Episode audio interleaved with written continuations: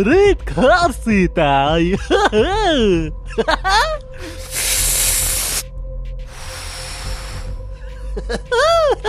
Woo! Yeah! Podkāsts numur 8.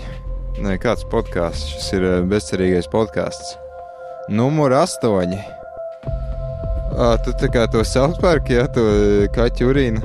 Kā, kā tur bija tas? Nesenācējām. Paga, kurā spēlē tas bija? Tas bija otrajā? Jā, laikam, uh, Fracture but Whole. kaut kā neatceros, tā bija pārāk atmiņā nepaliekoša spēle. Jā, diemžēl. Šodien mēs esam divatā, vai trijotā, vai četratā, bet, nu, laikam, divatā precīzi. Nu, fiziski četratā, bet tikai divi cilvēki runās. Esam spēlējuši šomēnes diezgan daudz. Un es jau tagad varu teikt, ka mana otrā Placēta 4 konsole, par ko uzzinājāt iepriekšējā sērijā, ir ļoti labs pirkums. Saprotiet to, kā vēlties. Pirmā spēle mūsu sarakstā ir Need for Speed Rivals, kas ir atvērtās pasaules braukšanas spēle ar uh, spēcīgiem sociālajiem elementiem. To ir izdevis EA. Un uh, sociālai elementi izpaužas tā kā tie, kas tika iepazīstināti, ja nemaldos, Hot Pursuit pagājušās paudzes vai arī uh, Most Wanted. Tas ir Autolog, Easy Drive. Labi, Autolog bija jau iepriekš, bet Easy Drive tā izvēle, kur jūs nospiežat bultiņu pa labi un tad izvēlaties nākamo vietu, kur doties un tam līdzīgi. Un kā tas izpaužas? Tā kā brauc fiziski, vai tas ir tā kā.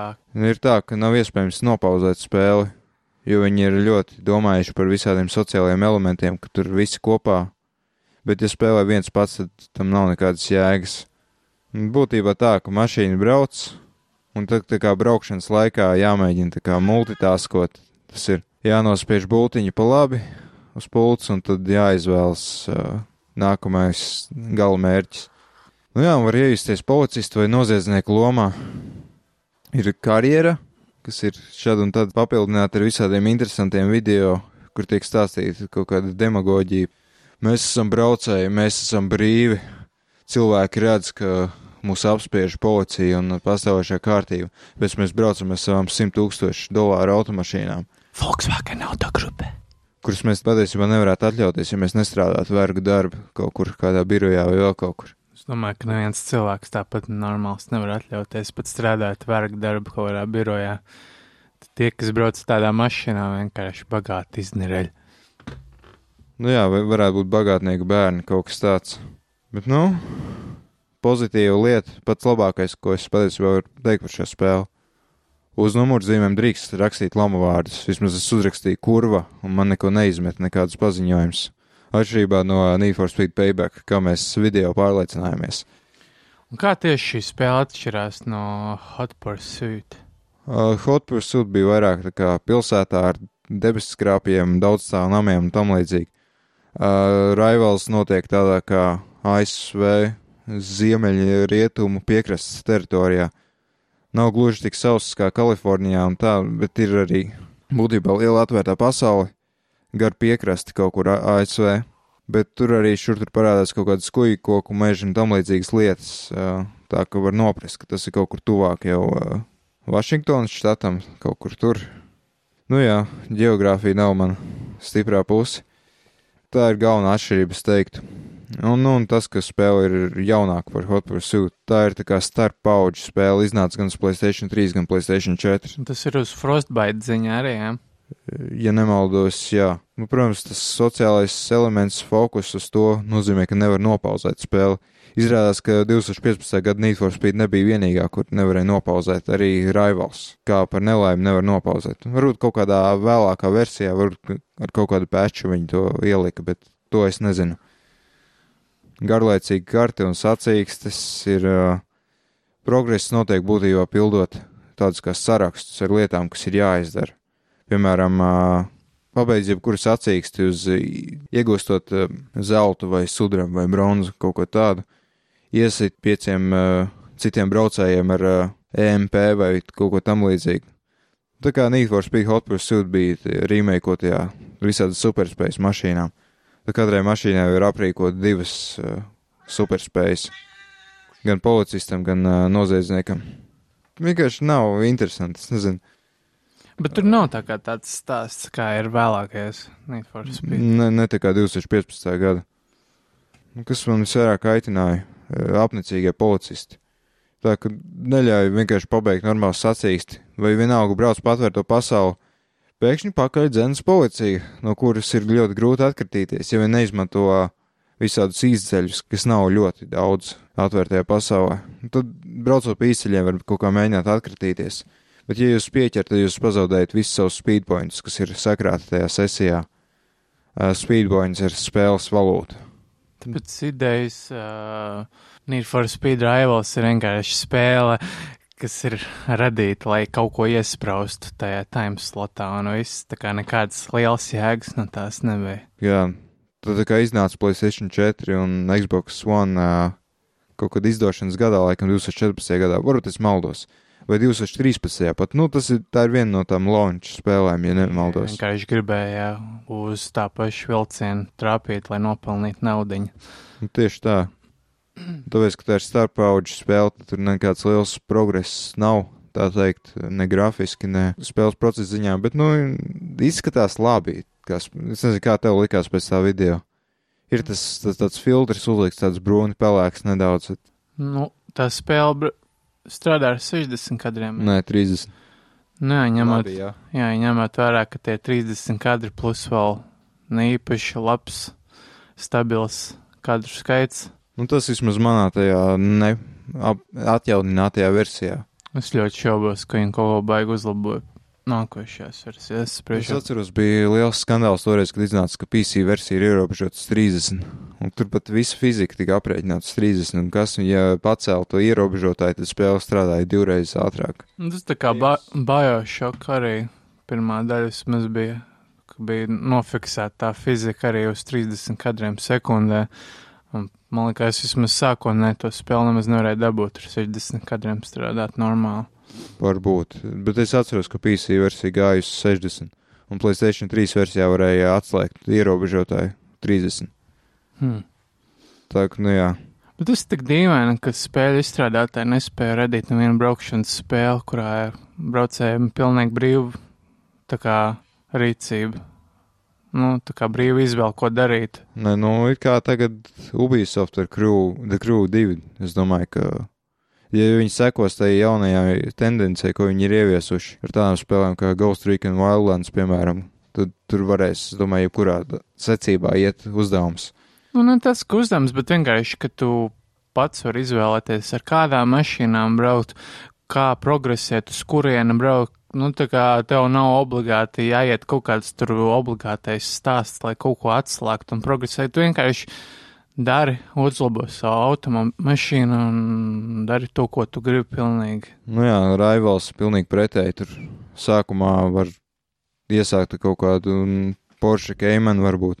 Tad atslēgt kaut kādu to Charger vai Camaro, es nezinu. Tad vēlāk kaut kādu tur. Demon. Nē, tā ir par vecu. Vairāk veca spēle, bet, nu, jā, tur diezgan ierobežots auto klāsts. Un arī sevišķi lielas atšķirības nejūtas ar BMW M3, E92 laikam un tur kaut kādu Cayman. Jā, laikam tādēļ, ka visas tās mašīnas ir aizmugurējo piedziņu. Nu jā, tā ir ārkārtas spēle tīrākā. Kas vēl man nepatīk bez apnicīgiem policistiem, ir tas, ka ir veselības stabiņš. Tāpat kā Most Wanted ir uh, benzīntanki, kuros jāsalabo automašīna, tas ir no Burnout Paradise paņemts. Tā kā izstrādātāji, cik saprotu, vairāk vai mazāk tie paši. Un tad, ja veselības stabiņš beidzas, tas ir tas pats, kas, ja jūs noķer policiju, tad jūs zaudējat savus speedpointus. Nu, jā, nu vienkārši spēle nav interesanti. Labi, es laikam nezināju, ko gaidīt. Es biju domājis, ka tā bija viena no tām daudz mums labajām Speed spēlēm, ja tā kā visi nolika to. Kur Need for Speed spēle populāri noliks? To 15. gada? Arī, jā. Man liekas, visas pēdējo gadu Need for Speed spēles ir ļoti smagi noliktas. Ja neskaita Shift un Shift 2, tas, man liekas, vispār ir pēdējās divās, divas atzītās spēles. Nu, labi, tas arī diezgan vecas ir. Nu jā, bet tāpat, nu, mūsdienām vēl aizvien izskatās diezgan labi. Nu, ja man prasa. Vismaz Shift 2. Nu jā, laikam tāpēc arī tā kā Raivals viņa visādus filtrus lieto, kas liek izskatīties tā kā filmiskāk. Nu, jā, man laikam bija naiva cerība, ka šis ir tā kā vienīgā Need for Speed spēle, ko nebiju spēlējis uh, no, pēd, no daudz maz pēdējā laika Need for Speediem. Tad bija cerība, ka būs kaut kas labs. Bet, nu, kā parasti ar IE, es biju vīlies. Jā. Bet es nebiju vīlies ar nākamo IE spēli, kas mums ir sarakstā. Titanfall 2. Konkrēti spēlēja tikai kampaņas režīmu. Tad uh, Titanfall 2 ir pirmās personas šaujama spēle ar nākotnes tēmu kā jau teicu, no Electronic Arts. Estētiski atgādina Destiny, tur tas nākotnes, viss tas uh, vizuālais noformējums, ieroči un tā. Daudz kritiķi, kurus es cienu, kur viedoklis uzklausu, teica reiz, kad tā spēle iznāca, ka ir ļoti laba. Tieši stāsta ziņā un tā. Pat vienkārši kā šaujam spēle, pats spēles process, teikšu, ļoti baudāms.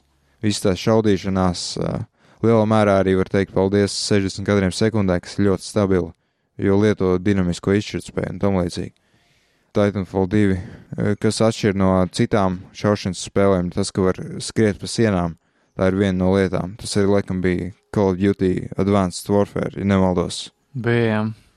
Nu jā, bet tas ir izpildīts diezgan labi. Lai gan tas ir viens no elementiem, kas ir kā Nu, varbūt kampaņā, bet es domāju, ka multiplayerī tā vertikālā pārvietošanās schēma varētu būt diezgan kaitinoša. To pēkšņi, nu, nezinu, no kurienes kāds izlata priekšā, tas ir mazliet lieka vilties.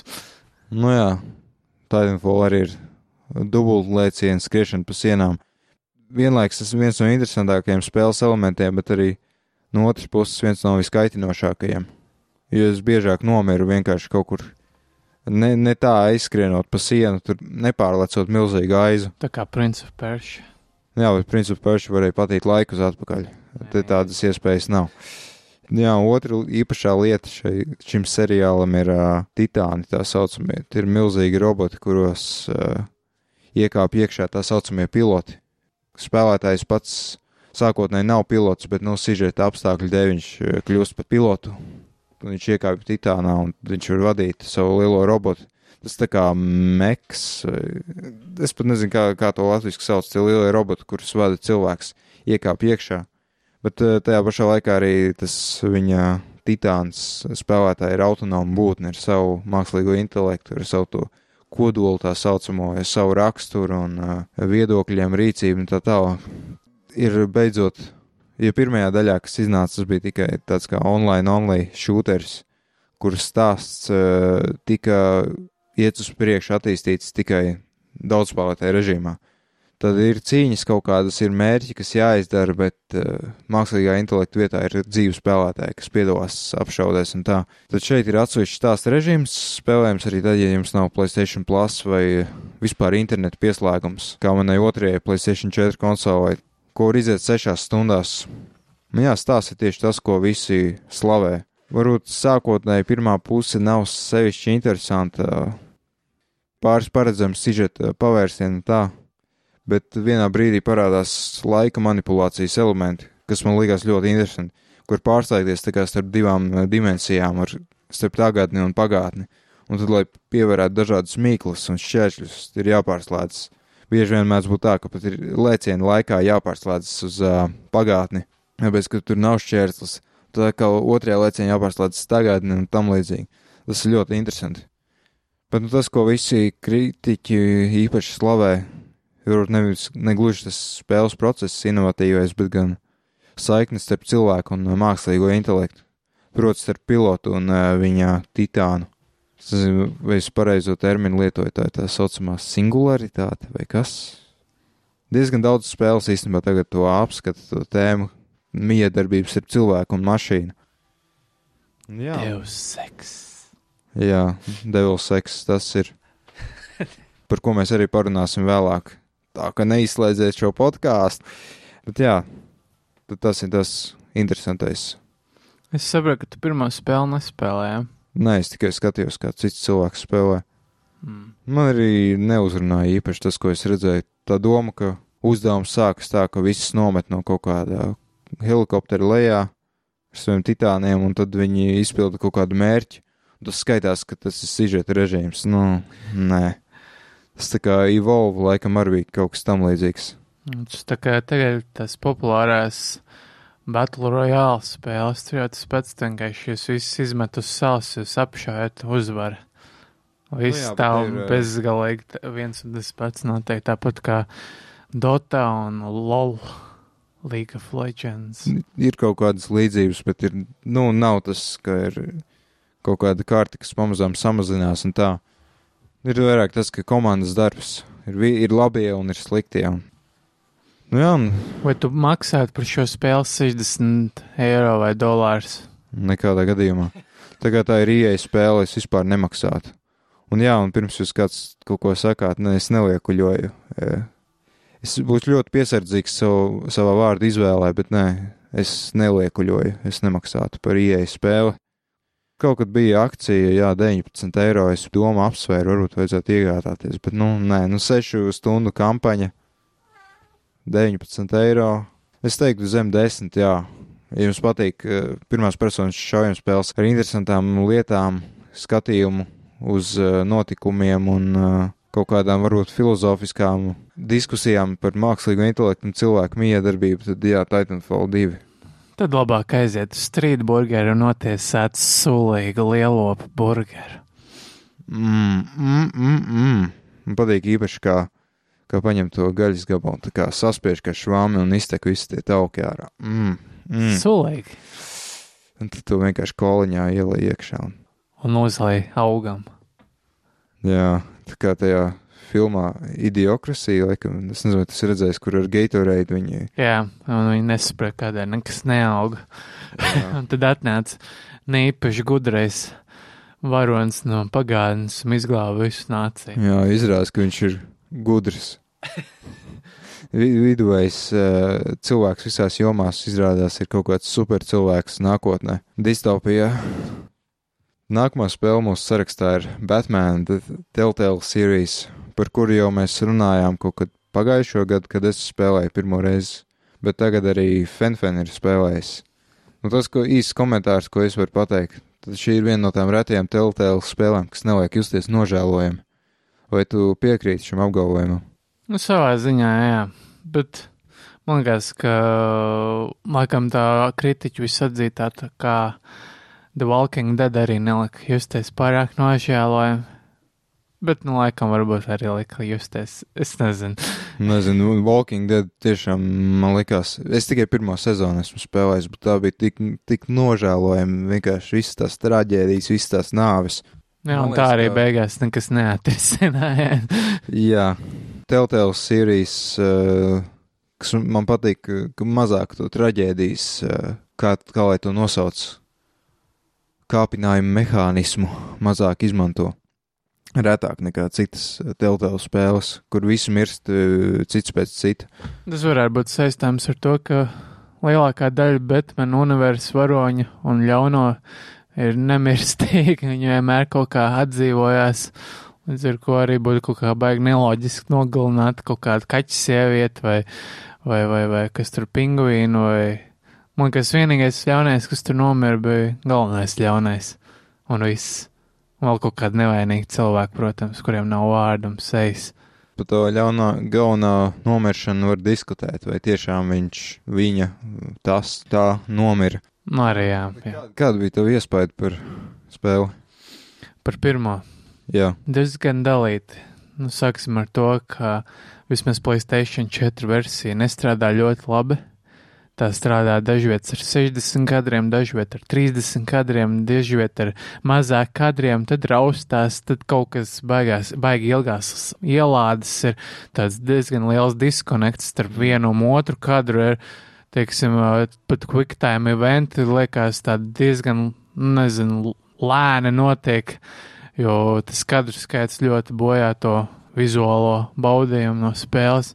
es pats neesmu spēlējis Playstation 4 versiju, es uz Switch spēlēju, bet, ja atceroties, man bija tā pati kritika. Man liekas, ka tā ir tikai Switch versijas. Nē, ti, es lasīju formos, ka arī pat PC versijā ir problēmas, un man, man nebija liels pārsteigums, jo man bija PC problēmas arī ar, ar, ar, ar Game of Thrones. Lai gan uz Playstation 4 tā spēle strādāja nevainojami. Kas ir arī ļoti dīvaini. Nu, Nu jā, ar uh, Batman The Telltale series viņi pārgāja uz jauno savu Telltale tool vai kādu to dzinēju sauc versiju, kur ir jau dinamiskais apgaismojums vēl visādas lietas. jā, un tas ir Zinu. redzams, un tas ir redzams, izskatās krietni vien labāk kā, teiksim, Walking Dead vai Wolf Among Us. Beidzot pēc miskastes neizskatās. Lai gan eh, neizskatās tik labi, cik izskatās otrā spēle arī.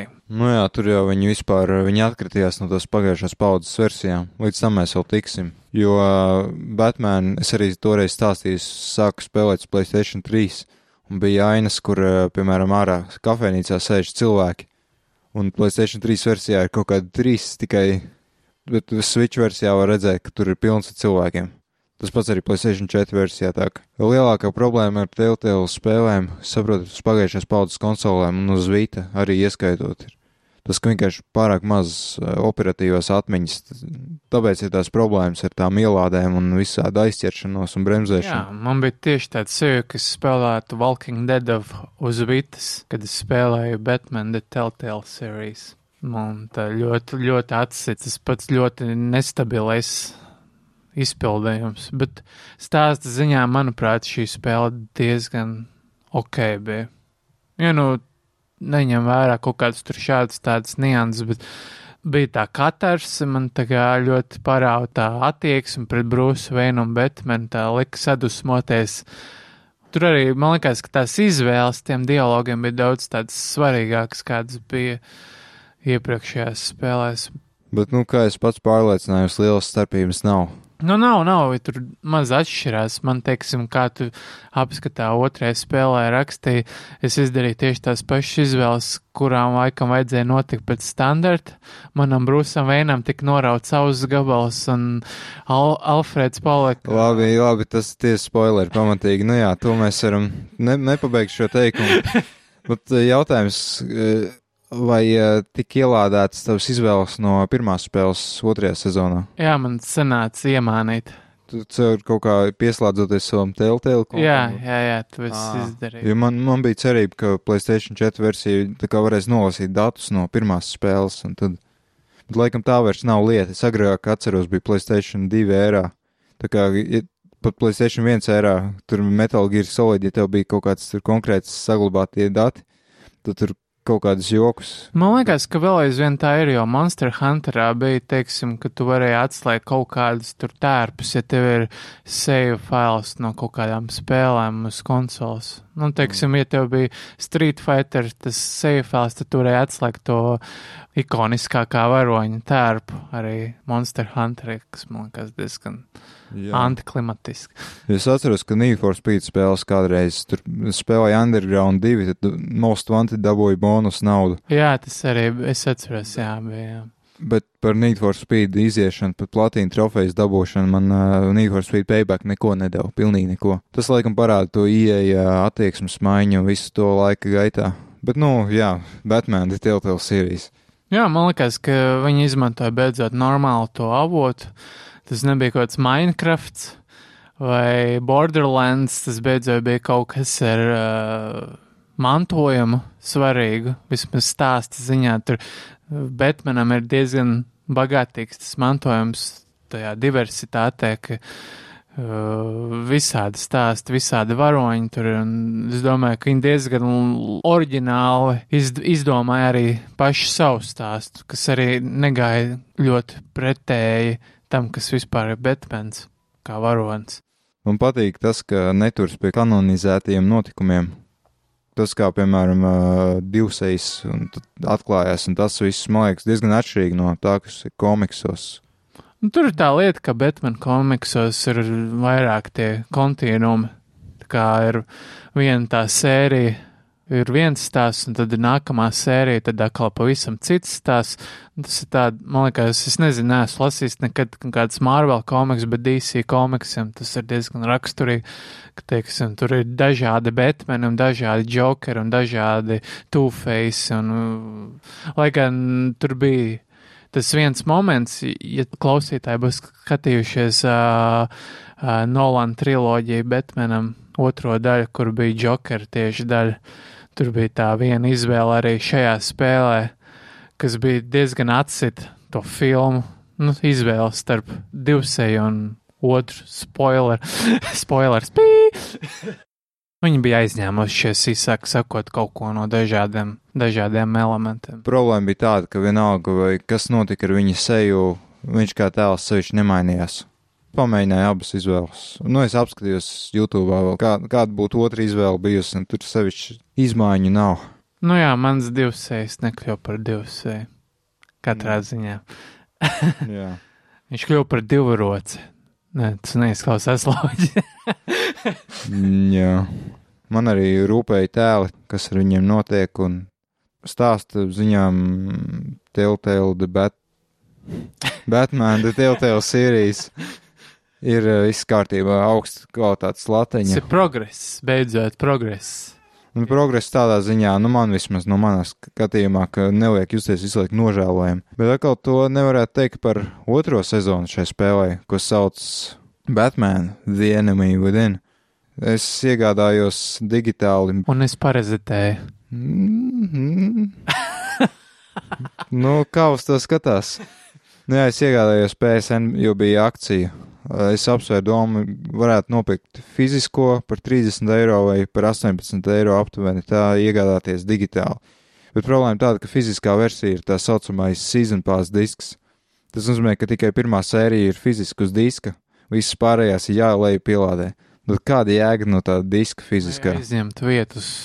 Tas, ka var pārdot, pēc tam var iziet un pārdot, bet es nezinu, vai. Lūks, tad tu bezmaksas vari to pirmo sēriju arī nokačāt Playstation networkā. Nu, kā, A, Vai tas ir bezmaksas? jā, pirmā sērija, man liekas, visām Telltale spēlēm ir bezmaksas. À. Bet katrā ziņā diezgan stulbi ir, jo es PSN iegādājos spēli caur interneta lapu, Playstation Store, un tad uh, es ierakstīju meklētājā, lai man būtu ātrāk. Batman The Enemy Within, skatos akciju, 15.49 mārciņās, ok, es paņemšu. Un pāris dienas vēlāk es ieraudzīju, ka es varēju dabūt uh, to pašu spēli kopā ar pirmo daļu, uz Playstation 4 par 50 pensijiem lētāk. Nu jā, stulbi. Nu, Tas ir konsumerisms. Uz to arī viņi spēlē. Viņi skatās, ko izsludina vienu produktu, un tad, kad daudz iepērkās, tad izsludina arī nākamo produktu. Bet kāda jēga uh, sliktāku preci pārdot dārgāk? Nu, viņi izpārdod vienkārši to stoku, kas viņiem ir, vienkārši izmanto to stratēģiju tādu. Nu jā, laikam to, ka cilvēki neuzmanīgi, tā kā es, un nepaskatās, ka ir arī labāks piedāvājums pieejams tajā brīdī, un tad jā. Bet varēja arī 10 eiro vairāk samaksāt, paņemt visu Telltale kolekciju. Jā, tagad bija kaut kāda nesen akcija. Jā, lieldienu izpārdošana PlayStation Store. Jā, bija nocenojums no laikam 74 dolāriem uz 30 tur kapekām. Nu jā, sanās 25 mārciņas Britu ve veikalā. Bet, nu jā, atkal turas pie tipiskās Telltale formulas. Tas ir, eh, mēs nepastāstījām iepriekšējā, par iepriekšējo spēli. Iet stāsts, ko jūs skatāties, tad pēkšņi parādās izvēles četras parasti. Jūs izvēlaties kaut ko, un tad jums parādās stūrī tur. Šī izvēle, izvēle atstās iespaidu uz stāstu un kaut kas tam līdzīgs, kas bieži vien nav patiesība, bet tipiskā formula šoreiz tā kā Brūsam Veinam iet vēl trakāk. Ja spēlējāt pirmo sezonu, tad tur bija punkti, kur Brūss Veins diezgan zemu nokrita. Tad viņš nokrīt vēl zemāk. Nu, es pat teiktu, ka ir mainījusies noskaņa uz tādu tipisko teltēlu noskaņu. Diezgan depresīva tā visa lieta. Parādās uh, paši zināmākie Batmana universa uh, psihopāti. Beidzot uzplaukst arī Džons Dow, jo pirmajā sezonā jau visu laiku bija spriedze. Tā kad, uh, nu, labi, nespoilošu neko, bet bija spriedze, vai tas tēls, tā teikt, uzplauks vai ne. Viņš pārvērtīsies par to visiem zināmo ļaundaru vai ne. Bet, nu, tas beidzot notiek otrajā sezonā. Ļoti interesanti arī, kā tas notiek. Stāsts man pārsteidz tādā ziņā, ka bija visādas lietas, kas, ko es gaidīju, ka notiks citādāk, bet tomēr nenotika. Piemēram, kaut kāds uzmetiens, kā, nu, vienkārši liekas garantēti, nu, tur būs, notiks tas, ko es domāju, ja es izvēlēšos tās izvēl, izvēles, bet tas nenotiek. Spēles spēja tādā veidā pārsteigt, manuprāt. Ja pirmajā sezonā bija diezgan vienalga, kuras izvēles jūs paņemat. Tad šeit gan uh, pēdējā sērija pavisam citādāk tiek izspēlēta atkarībā no jūsu izvēlēm. Diemžēl nav tādas īstas manuālās saglabāšanās. Var kaut kā uztaisīt vairākus tos save slotus un kopēt, bet man kaitina tas, ka ir automātiskā saglabāšanās. Tad būtībā, ja jūs gribat redzēt pēdējo uh, sezonas sēriju citā veidā, jūs gribat redzēt otru iznākumu. Iznākumi ir dažādi, tā varētu teikt, bet mainās tikai tas, kā pēdējā sezona izskatās. Nu, tas diezgan būtiski mainās, un, lai jūs redzētu otru nobeigumu, jums ir jāizspēlē ceturtā sērija, un uh, piektā sērija vēlreiz. Spēle var iziet aptuveni 9,5 stundās. Tas nozīmē kaut kādas 3-4 stundas vienkārši, lai redzētu otru variāciju uh, sezonas noslēgumam. Kāda bija tava iespēja? Es gan esmu tas cilvēks, kurš šādas spēles izspēlē tikai vienreiz. Man pat īsti neinteresē, kāda ir cita iznākuma. Es vienkārši izlasu, varbūt kāda ir tie iznākumi citi, bet kā tas izskatās, es īsti neskatos. Tas tēls tev bija labā versija, viņam vai sliktā? Sliktā. Jā, man ar pirmo reizi bija. Man, man pat bija diezgan sāpīgi viņu pievilt, kas noveda pie viņa kļūšana par slikto tēlu, bet, nu, manuprāt, nebija citas loģiskas izvēles, kā viņu padarīt par tādu, kāds viņš kļuva. Tā lieta, ja tu turies pie loģikas, tad, tad būs vīlies. Ja tu tomēr turies pie saviem vārdiem, tad tu redzēsi pavisam citu iznākumu, kas man likās ļoti interesanti. Tas ir tieši tas, kas pārsteidz otrajā sezonā visvairāk. Nu jā, es nezinu, kāds bija tas otrs iznākums, bet man ļoti patīkami pārsteidz šī spēle, jo es nesagaidīju neko baigi tādu, nu, ka būs tik laba. Tīpaši ņemot vājo tehnisko izpildījumu pirmajā daļā. Šī ir pavisam citādāk. Tur viss konstanti 30 kadri sekundē, viss izskatās spīdīgs, tēli ir detalizēti, tā kā detaļas uz tēliem nav uzzīmēts, tas ir reāli jau kaut kādas detaļas, kas uzliktas virsū. Teiksim, poligoniem uztaisīts. Jā, teiksim, Gordonam tā ieroču josta nav uzzīmēta, tā ir reāli ieroču josta, arī viņa mati ir tā kā jau daudz detalizētāk, un viss tēli izskatās daudz labāk, izskatot pašu Batmanu un Bruce Veinu. Oh, spoilers! Ok, nē! Jā, man ļoti patīk, ka tāpat kā pirmajā daļā, arī otrajā daļā Batmanu ierunā viens no maniem mīļākajiem voice aktoriem, Viņš ir arī daudzās citās spēlēs ierunājis. Trojas Bakers? Jā. Jā. Viņš tā kā bija arī, bija Bioshock Infinite un daudzās, daudzās, daudzās citās, arī ieskaitot Bleach seriālā viņš bija, bet ļoti nemīlētajā sērijā, bet no vienalga. Jā, tas man ļoti patika. Man arī patika stāsts šajā sezonā. Stāsts bija ļoti labs, parādījās labi zināmie tēli, ieskatot arī, uh, es nezinu, tas būs spoilers, sakoju, ka tas ir jokers. es domāju, ka tas nevienu nepārsteidz, kas viņš ir. Jā. Jā, tur arī viņa draudzene parādās un arī daudz citi tēli. Jā, man patīk tā dinamika, jo citās Batman spēlēs Harley bija vairāk tā kā padotā Jokeram. Jā, Tā, pilnīgi pretēji, jā. Tā kā vismaz sākotnēji Hārley ir tā kā pilnīgi boss sieviete un John Doe ir vienkārši nabaks, kurš mēģina izpatikt jebkādā. Viņš pat Batmanam prasa padomu, kā pielabināties, un tad Batmans, ne Batmans, bet Bruce Wayne dod padomu. Un tas ir tāds diezgan interesants punkts, manuprāt, tāds man liks pasmieties, kaut arī, jā, viss tāds diezgan nožēlojams. Visi mirst un visi tiek ievainoti un visi skrien prom ar ierautām uh, astēm kā aizstarpēs. Un, un, un jā, man liekas, ka šīs, šīs sezonas galvenā tēma bija tā nodevība un uzticība. Jā.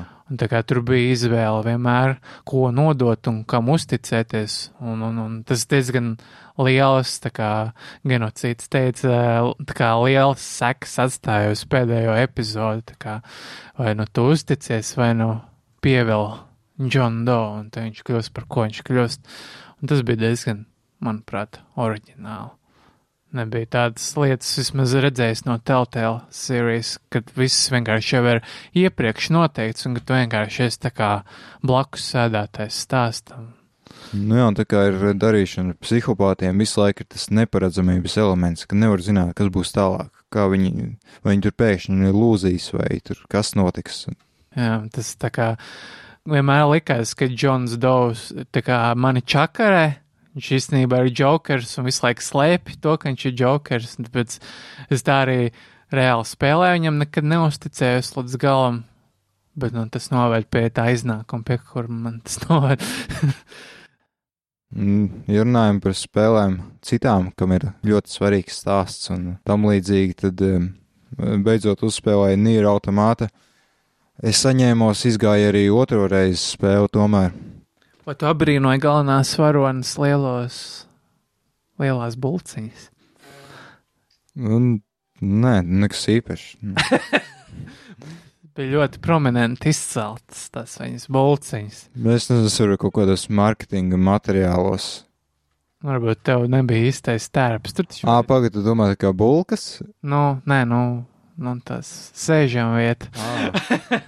Nē, es ne, man vairāk patīk tas, kas ir augšā. Bet tur nekas nebija augšā īpaši. Nu jā, nu, daudz runāts par to Joko Taro un viņa apsēstību. Tirsām. Tas man tā sevišķi neaizrāva. Bet, nu, daudziem jau zināms, ka šis ir um, brīnumdarbs kārtējs no Platinum Games, kas ir daudz slavēts. Un es būšu tā kā pretrunīgs, es teikšu, godīgi sakot, nesaprotu, kāpēc. Spēle apvienot dažādus žanrus, tad pēkšņi tas ir kaut kāds šūtēm aps, kur jālido ar lidmašīnī, tur jāšauj kaut kādi kuģi. Pēc tam tas ir uh, Japāņu RPG, nu, konkrēti action RPG. Viss notiek reālajā laikā, nekādi gājieni. Nu, tur viss kaut kādas slēdzas un pārslēdzas, tur tie žanri un vēl, un tas ir tāds, es nezinu, vai cilvēki tā vēl saka, kišmiši ar rozīnēm. Tas, laikam, 90. gados tā teica. Tāds tēta joks jau tā. Jā, tu redz manas brilles vecīt, nu. e, nu jā, un tad tā, nu stāsts būtībā tāds. Un man uzbruk Bruno. Tad cilvēki ir pārākušies uz mēnesi, bet uz zemes ir palikuši vien roboti. Un tad uh, galvenie varoņi ir uh, androīdi e, no u, grupējiem, ko sauc Jorha. Tad viņi cīnās uh, cilvēces vārdā tur. Tad stāsts tāds pēc ievada nokļūst tādā kā atvērtā pasaulē, kurā ir tūkstneša zona, ir uh, pilsētas sadrupušā zona, ir uh, meža zona, ir vēl viss kaut kas. Uh, viss ir ļoti pelēks, ļoti garlaicīgs, un es teikšu, neizskatās spēle labi.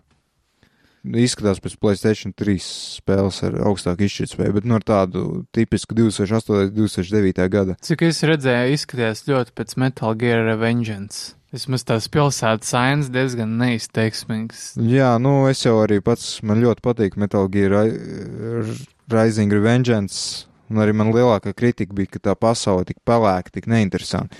Tas pats arī Nier automāti ir. Ir jāspēlē ar dažādiem tēliem, lai iegūtu tos nobeigumus. Tas, ko visi saka, ir tas, ka tu jāaiziet spēli vismaz tur piecas reizes, tur jāredz visu nobeigumu, tad būs jēga spēlēt. Bet lieta tāda, ka tas spēles process ir tik neciešams patiesībā. Es teiktu, ka 50% laikas vienkārši nebaudīju to, ko es spēlēju. Es atnāku mājās, tur nogurs, es gribu kaut ko patīkamu uzspēlēt, un tad pusi laika vienkārši spēlēju. Viss tas sistēmas, viss nebaudāms. Es uzliku uz īzī uh, grūtības pakāpi, jo man vienkārši apnika. Es gribēju redzēt stāstu. Un secināju, ka nav nemaz tik īzī. Plus tāds, ka var aprīkot visādus tos čipus savam androidam, kas automātiski atjauno veselību, vai tur automātiski šauju sit. Nu, labi, es neizmantoju automātisko sišanu šaušanu, tas būtu pārāk pasīvi.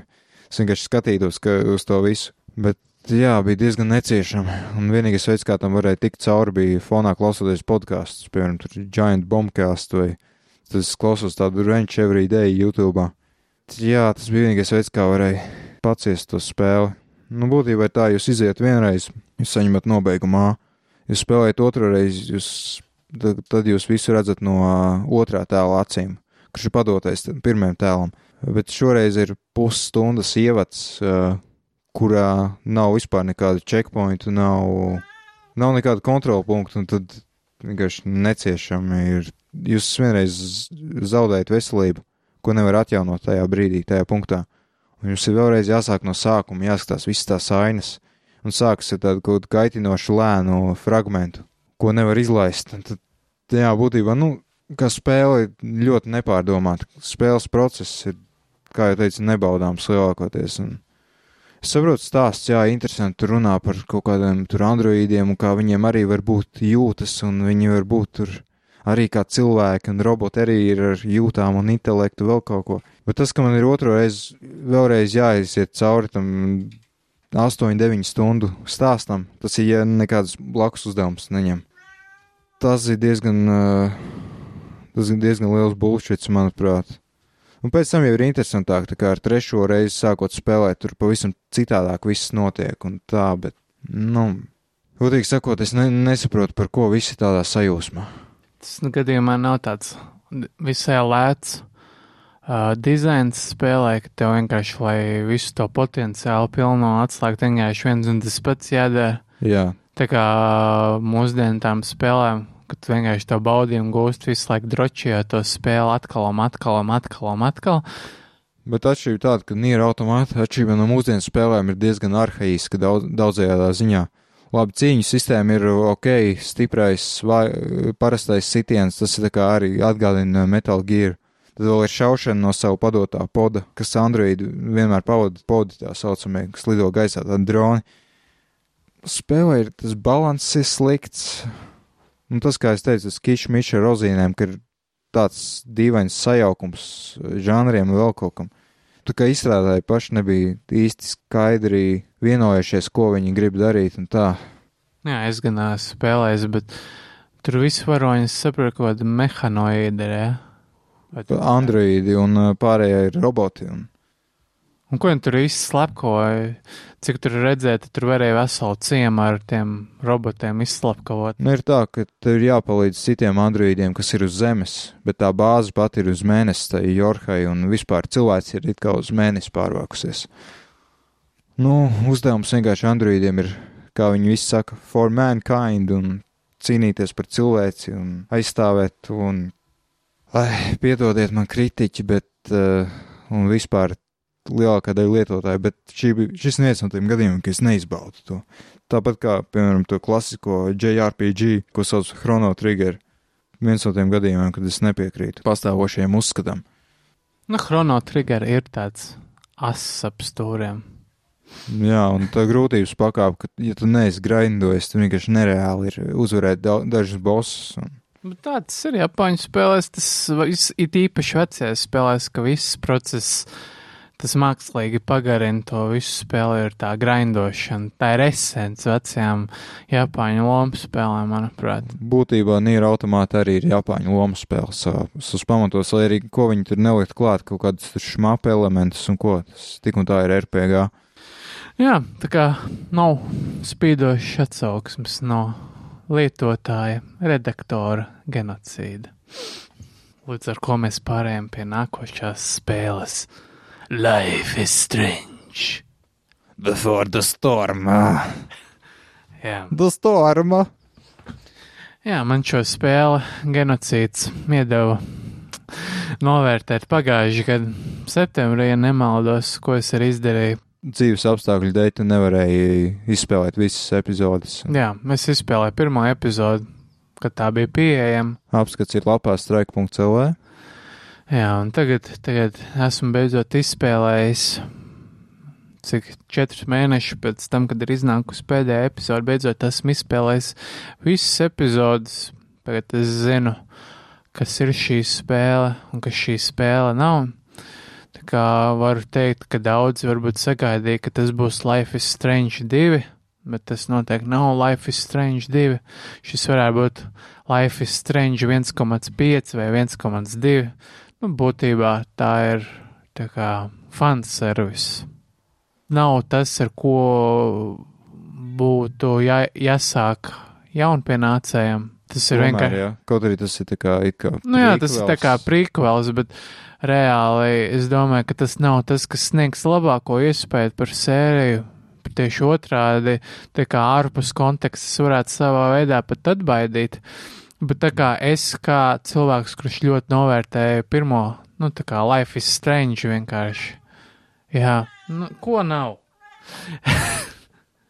Es kā, jā, es kā cilvēks, kurš novērtēja Life is Strange, ļoti novērtēju arī Life is Strange Before the Storm, jo tas tā kā man sniedz šādas tādas atbildes, uz jautājumiem, kāda man radās spēlēt Life is Strange. Un tas man ļoti iepriecināja, apmierināja man zināt, kā arī. Un to vien? Jā, jo. Jā, jo pa lielam šī spēle Klojai, kas ir galvenais varonis šai, spēlē, Kloja ir tā kā galvenās varonis Maksas no pirmās spēles labākā draudzene, kuru Maksa Uzmeta. uzmeta, un tagad Kloja tā kā dzīvo savā, nu, ar kādai līcī viena pati, nu tā, teiksim, relatīvi viena pati, jo Maksa dzīvo tagad Sietlā, kas ir pārsimt jūdzes uz uh, dienvidiem. Oh, jā, yeah, man, Seattle, Nirvana. Jā. Nu Jā, tagad Kloja tā kā jūtās vientuļa, viņa nevar atrast nevienu draugu, viņai pazeminās atzīmes, viņa vairs nav tik sociāla, viņa kļūst par to tipisko 16 gadnieci ar, ar stadiem un krāsotiem matiem un kerzām un tam līdzīgi, kur apmeklē metāla festivālus. Ah, tad viņi jau ir tā kā tā pankroka. Nē, viņi kļūst palēnām šīs spēles ietvaros par pankroku čiks, bet sākotnēji viņai ir tās noslēdzas uz to, tāpēc es tā vienkārši rezumējot viņu aprakstījuši kā tādu pankroku meiteni. Es atceros no tava pirmās epizodes apskata, ka tā kā nav vairs tā interesantā laika manipulācijas eh, mehānika. Jā, jo Kloja ir vienkārši parasts cilvēks. Viņa nav ne super gudra, ne super stipra, ne super ātra. Viņai nav mistiskās spējas, kādas ir maksai. Toties viņai ir argumentācijas Jā, viņai, viņai ir tas, ka viņa spēja uzdrošināties runāt pretīm. Un, tā, teiksim, tā arī to spēle sauc backtalk, tā kā runāšana pretīm. Tā kā viņai atsevišķos spēles posmos notiek tāds kā dialoga apmaiņas, un, teiksim, izpildot, izvēloties pareizi opcijas, ir iespējams uzvarēt šajos dialogos, kas atgādinās mazliet uh, Divinity, The Original Sin. Tas pats, ka ir tas dialogu cīņa, un kā konkrētu skaitu reižu pareizi izvēloties tas opcijas, var uzvarēt dialogu un tālāk progresēt spēlē, neizmantojot vardarbību, tā teikt.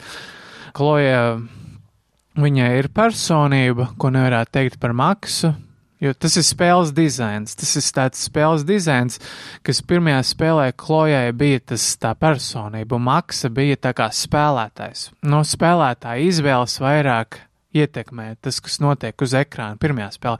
Mm. Šajā spēlē tā nav.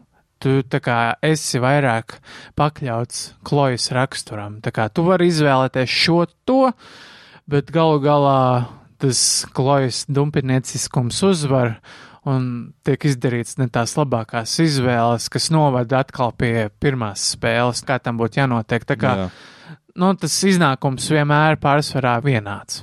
Tā kā tas ir prīkals savā ziņā, tad nemaz nevarētu nekas sevišķi radikāls būt. Jā, jo tur ir tas pats varonis, nav citi varoņi, kas tur backgroundā kaut ko tur dara un skrēja, un te ir tā pati kloja, un gal galā viņi kļūst par to pašu kloju, kas ir Life is Strange. Tā kā tu nevari viņu padarīt par tur uh, kaut kādu teicamnieci, viņa tāpat ir uh, high school dropouts, kurš brauc ar vecu krāmu riņķi un kļūst par draudzi, labāko domāju, Reičelu. visu klausītāju vārdā es vissvarīgāko jautājumu uzdošu. Vai tur var uh, meitenes bučoties divas? Jā.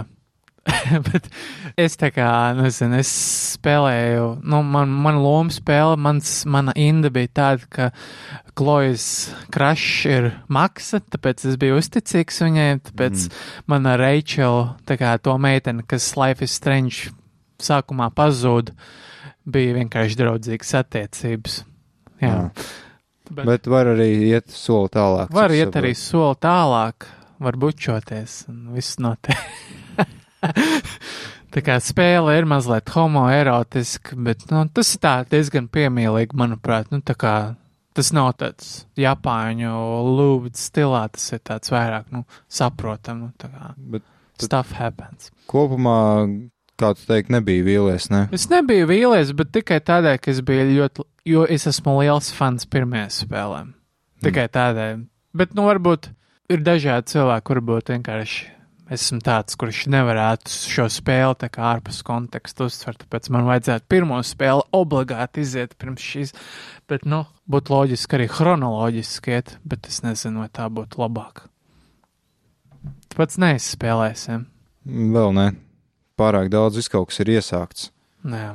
Es nezinu, vai to nīra automāti vajadzētu pabeigt. Nu, visus tos piecus vai cik galvenos Cik novēgumus. reizes jau esi izgājis? Nu, divreiz. Es iesāku, kā mēs atgriežamies pie nīra. Bet, nu jā, es iesāku ar trešo reizi, un tad sapratu, ka tur visvairāk ir jūtams tas, cik tā grūtības pakāpe ir nenormāla brīžiem, un uh, cik diezgan nepatīkami ir spēlēt nīra automāta. Jā.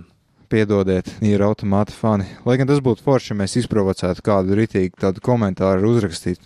Tu neko nesaproti, tu esi. Idiots. Jā. Ko tu zini? Cieni manu. Es vairāk neklausīšos šo podkāstu. es jau iepriekš zināju, ka jūs esat kaut kādi āksti, un tagad es zinu vēl labāk. Jūs apstiprinājāt. Bet daudziem patīk šī spēle. Es, es, es neesmu spēlējis. Man nav pilnīgi nekāda viedokļa par šo spēli ārpus tā, ka galvenā varonē ir naisēs. Bet,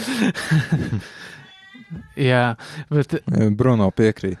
jā, daudziem šī spēle patiks. Es ceru, ka mēs neaizvainojam nevienu svarīgās jūtas. Nu, nu kā mēs vienkārši mēs novērtējam uh, sieviešu fizionomijas labākās īpašības. Nezinu. Nu, kāda starpība? Nākamais, ko mēs esam spēlējuši, ko es esmu genocīdi, tas nav mans īstais vārds, spēlējis, ir Flatout 4 Total Insanity, kas ir uh, Kiloton, uh, jeb Katie Racing uh, izstrādātas Big Ben uh, Interactive izdota spēle, kas jau pasaka priekšā, ka tas ir tāds kā budžeta tālu no AAA produkts. Būtībā izstrādājis tas pats, kas WRC spēlēm. Bet kādā ziņā man patīk ļoti WRC7 uh, rallija spēle. Un interesanti dzirdēt arī, ko citi, kas ir beidzot uzspēlējuši, domā. Jā, izstrādājis tas pats, bet Flatout atkal, ja atceraties no senajiem labajiem laikiem, ir uh, braukšanas spēle, kur būtībā jūs paņemat automašīnas, kas ir saliktas no izgāstuves detaļām kopā sataisītas, un tad jūs braucat tādā kā Demolition Derby stilā, bet ne gluži arēnā, bet apļus atsīkstēs. Pa visādiem mežiem, pa sniegotām vietām, un Man patīk tā vieta, kur bija pēc iespējas tālāk jāizlido ar vadītāju caur veistiklu. jā, es kaut kādu bonus režīmu tur ir, bet tos es sevišķi neskatījos. Es spēlēju tīri sacīkstas braukšanu, karjeras režīmu. Sākumā ir diezgan garlaicīgi, jo bez mazliet pastāvīgi turējos pirmajā vietā. Trīs apļi vidēji ir jābrauc, un bija tā ā, diezgan garlaicīgi. Bet nu tā pati braukšana ir ok, tomēr kilotona zina, ko viņi dara, mm, bet nevar salīdzināt ar vecajām mm, flatout spēlēm. Ir īpaši ar otro daļu, kas bija nu, ļoti jautri, kad nu, es vēl biju jauns gurķis un uh, spējīgs un tam līdzīgi. Kādā ziņā spēja? Atsauci uz uh, vecāku sēriju, laikam uz sesto. Nu, jā, un uh, es teiktu, ka atbilstošs apakšvirsraksts ir Total Insanity, jo tas nu dienu ir liels hauss. Ir tā, ka sākas sacīksts, ir kaut kādi 12 braucēji vidēji, un tad uh, tā starta uh, augšā tā zīme ar uzrakstu start vienkārši tiek nogāzta jau pirmajās sekundēs. Tā ir tāda spēle. Mākslīgais intelekts pats netiek galā ar visām tām trasēm. Ir vis kaut kādas smieklīgas ainas, kur viņi ir avarējuši, apgāzušies vai palidojuši gaisā pāris metrus, jo, nu, mākslīgais intelekts nav kompetents šajā spēlē. Jo, piemēram, kā jūs zināt, gan jau WRC spēlēs ir tīri sacīksts uz laiku. Tur nekāda mākslīgā intelekta braucēja neparādās. Nu, izņemot, ja kaut kādi ir avarējuši vai kas. Bet jūs braucat viens, un tad nav nekādu īsti. Nav nekādas saskares ar mākslīgo intelektu. Bet šeit viņi ir veseli 11 sancenši vienā trasē ar jums, un tur ir pilnīgs hauss. Var redzēt, netiek galā. Tā fizika nav ne tuvu tik labi kā otrajā flatout. Kā tas vispār ir iespējams? Jā, tas ir interesants spēle, kas iznākusi cik tur eh, 11 gadus vēlāk, bet uh, nav ne tuvu tik labi kā veci, vecās daļas. Izstrādātājs vairs nav tas Somu bugbear, uh, bet ir, nu jā, Kiloton Racing. Kas izplat šo spēli, ja jau ir mainījies izstrādātājs? Big Ben Interactive. Kas tas tāds ir? Tur jau tā lieta. Viņi izdod visādas spēles, it kā ar zināmiem nosaukumiem, bet no jaunās, mūsdienīgās versijas, kas ir īstenībā sūdīgākas par uh, vecajām. Kaut kas tur vēl bija, tas neatceros, ko Goodman apskatīja, vien arī izdeva Big Ben Interactive. Jā, Viņi iz- izplatīja arī pirmās spēles, vai ne? nē, nē, nē. Tas Big Ben agrāk ražoja tikai tos visus uh, accessorus, tur visu kaut kādus lētos lādētājus, Nintendo DS, tam līdzīgi. Tad vienā dienā viņi izdomāja izdot arī spēles. Nu jā, var noprast, ka nekas labs viņam nesanāk. Bet ko es varu teikt par braukšanu? Nu, it kā būtu ok, bet tā sākuma mašīnā ir būtībā nu, kaut kāds lūznis, četri cilindri bez turbo. Tad ritīgi jāgāzē, lai iet uz priekšu, lai to griezi dabūtu. Un problēma ir tāda, četri pārnesumi ir, es nezinu, varbūt ir arī overdrive piektais pārnesums, bet, nu, tas nav svarīgi, to neviens nelieto sacīkšu trasē. Cik tā mašīna ir veca, tur ir četri pārnes? Un izskatās pēc kaut kāda beigla. Nu, šasī jau ir kaut kāds Volkswagen Beatles būtībā vecs pirmās paudzes, un tad problēma ir tāda, ka pārnesums pats manuāli slēgt nevar. Tas ir loģiski. Nu jā, tur tomēr viss fokus ir uz pretinieku daudzīšanu un vēl kaut ko, kas nav sevišķi laba. Es pateikšu, trases ir ok. Trases vismaz ir interesanti. Pēc visiem tiem atvērtās pasaules braukšanas brīnumiem ir patīkami vienkārši braukt neatkarīgās, patstāvīgās trasēs, apļu sacīkstēs. Nu, nav slikti, bet ir tā, ka bieži vien, izņemot līkumus, piemēram, apgriezieni nokrīt līdz kaut kādiem 4-5 tūkstošiem. Tāds tā melnais punkts, tā teikt, manai man, konkrētajai mašīnai. Jūs sākumā var izvēlēties starp divām. Un ir tā, ka griezes nekādas nav, mašīnas priekš knapi velkas, bet uh, automāts nepārslēdzas uz pārnesumu vai divus zemāk, kur ir grieza normāli. Es braucu līkumu un vienkārši braucu kalnā un rāda 80 jūdzes stundā, un pēkšņi speedometrs sāk rādīt 79, 78, 77. Jebkura normāla spēle būtu automāts, būtu pārslēdzies zemāk, un es tiktu pāri tam kalnam normāli. Tad vienīgais risinājums man parasti ir iedot pa bremzēm ātri, nomet divus pārnesumus, tad es varu uzgāzēt normāli. Tas ir pilnīgs absurds. Tam ne... Mēs ir šķidrams jānomaina automātam. Nē, man liekas, tas spēlē simulācija ir jāsalabo. jo tas, tā grieza sākas manai konkrētajai mašīnai kaut kādiem pieciem tūkstošiem, un tad, uh, Vats dīzelīts. jā. nē, tas ir benzīns. Ah. Dīzelim jau grieza ļoti agri. Bet dīzeli nevar normāli izgāzēt. Dīzels galīgi nepiemērots sacīksnēm, manuprāt. Uh, nu jā, būtībā tas ir galīgi garām. Variants ir nospiest nitro, bet tas nitro ir tūnēts tā, it kā dragreisam būtu tā mašīna domāta. Bet trases ir ļoti līkumainas. Nu, var noprast, ka tas spiediens vai kas ir pārāk liels, tas nospiež un vienkārši ielidoja kaut kur sienā vai kā. nu, galīgi garām. Nav visi šitie sīkumi, tās nianses eh, padara vienkārši nebaudām Flatout 4. Nav jautri spēlēt. Atšķirībā no Flatout 2, kas ir daudz labāka spēle un ir iespējams spēlēt uz jebkāda lūžņa, kam ir tur, nezinu, Pentium 4 un eh, GeForce 3 un tā tālāk. Nu, būtībā viduvēja spēle. Es neieteiktu nevienam maksāt par to. Varbūt 5 eiro, jums nav ko darīt. A, Kā tur tas, tās mašīnas normāli iznīcinās, vai vēl aizvien kaut kā tur? Ir problēmas. Salīdzinot kaut vai ar Flatout 2. It kā ir deformācija korpusam un tam līdzīgi, bet nu, tāda tas īsti vadība neietekmē. Vienkārši, ja tev beidzas veselības stabiņš, tad tāpat kā for Speed Rivals, tu vienkārši šavarē, zaudē un jāsāk sacīkst no sākuma. Bet, uh, Ir iespējams uzlabot mašīnu. jā, bet tie upgrade ir tādi nekonkrēti. Var uzlabot tur šasiju, var uzlabot ātrumkārbu. Bet tur nav pateikts, kā tieši, vai tu tur, nezinu, no, uzliec atvieglināt spararatu, vai tur uh, kaut kādus šitos coiloverus uzliec, nē, tas neparādās. Vai noņem bremžu diskus? Jā.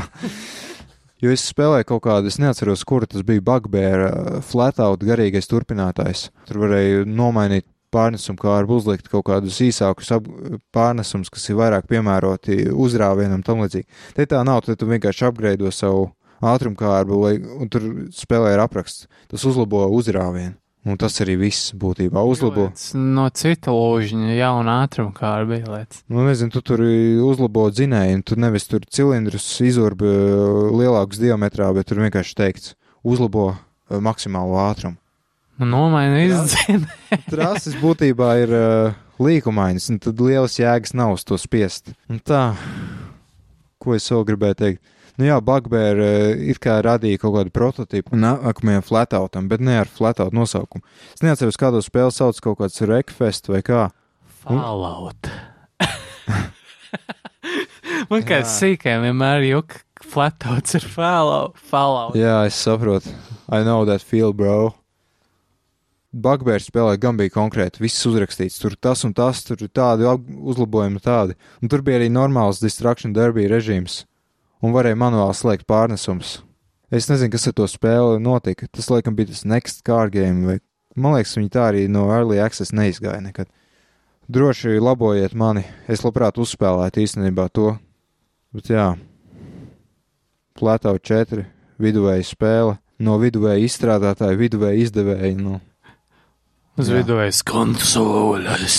Nē, diezgan labi strādā, bet bija grūti pierast pēc Niera automāta un uh, vēl kaut kā pēc uh, Titanfall 2, ka ir 30 kadriem sekundē atkal jāspēlē. Tas bija tā, Ļoti labi izskatās noteikti. nu, izskatās viduvēji. Pat Need for Speed Rivals, kas ir uh, launch day uh, spēlē, izskatās daudz labāk. Bet nu labi, viņi arī Need for Speedam uh, IE ir daudz lielāks budžets nekā es pieļauju Big Ben Interactive. 30 kadri. Nu, uz PC ir 60, bet pofīgi. Tad nākamā spēle mūsu sarakstā ir Devil's Ex, Mankind Divided. Tā ir atsauce uz citu podkāstu, ko uh, Suicide Christ uzķēra, tāpēc es atkārtoju to joku, ko neviens cits nesapratīs. Devil seks. Tas tā kā vēlna seks. Bet īstenībā deus seks. Tas ir, jā, tā ir interesanti, jo tā kā tas būtu vēlna seks, bet patiesais nosaukums ir Dievs Ex, ko tas arī nenozīmē. No mašīna. No, no, no dieva. Un interesants, īstenībā šis ir dziļāks joks, nekā es biju domājis. Jā. Dziļāks. dziļāks joks. Jā, dušbēks. Eks. Uh, jā, šī spēle ir diezgan divdomīga. Divs, divnozīmīga. Es zinu, kā pareizi izteikties. nu, di divided, jā, Jā. sadalīta. Jā, tajā ziņā, ka tehniski tā ir tā pati pirmā spēle, mazliet grafiski uzlabot ar vairāk izvēlēm, kur iet un ko darīt. Jā, mazliet dziļāk viss tā tehnoloģija, tehnika, upgrade ir mazliet, manuprāt, interesantāka, bet tajā ziņā, ka viss tas process ir tik nekonkrēts, tā spēle krietni viens sliktāk par pirmo. Nu, jā, 2000, nu, ne pirmo, bet 2011. gada spēle. Laikam tā Human Revolution. Jā, es atceros, ka Mikonens, uh, viens no straika.lv redaktoriem, kurš jau gadu nav rādījies tur, man liekas, viņš tā kā gribēja uzrakstīt apskatu, bet tā arī nekad nesaņēmās. Jā, nu, to laikam būs jāizdara man, jo es šo spēli esmu izgājis visā tās pilnībā. Un kādam tas ir jādara, jā. Kādam tas ir jādara? Man, man patīk, par spīti tam, ka ir diezgan liela, varbūt konstruktīva, varbūt nekonstruktīva kritika attiecībā pret šo spēli. Uh, bet, jā, man patika, bija diezgan baudām tajā ziņā, ka bija daudz, kur vairāk līst iekšā un ko darīt. Vairāk ceļa uz vienu punktu, kā pirmajā spēlē. Jo pirmajā jau bija daudz, varēja tur uh, lavīties pa kaut kādām šachtām, ventilācijas. Vai... Tā kā tev ir dot izvēle, tur iet šaudīties, līdz ar, līdz ar šachtām, vai līst pa zemi, vai tur ir vēl visādi ceļi. Jo pirmajā spēlē bija divi, maksimums trīs ceļi, tad šeit varbūt ir pat četri un pieci ceļi kā uz vienu un to pašu vietu. Nu, jā, tā kā tas, tas ir tas diezgan forši. Man tas patīk. Bet tas viss, tas sižets, tas settings, manuprāt, ir diezgan, rupi sakot, sūdīgs. Jo, Ā. Es Kā? saprotu, tas nobeigums pat nesot tāds īsti nobeigums, labs, konkrēts, vai es varu ka maldos. Nevar saprast tāpat kā pirmajā spēlē, kas, kas notiek, jo tu tā kā izglābi, es nezinu, ko tu tur izglābi pirmajā un no otrajā spēlē. Pirmajā spēlē varbūt pat var saprast vairāk, kas notiek, bet šajā spēlē, nu, tā kā uzvec ļauno, ķipa galveno ļauno, un viss ar to beidzās spēli, jo UN, Adam, let's see about that, un ar to ir tad, tas.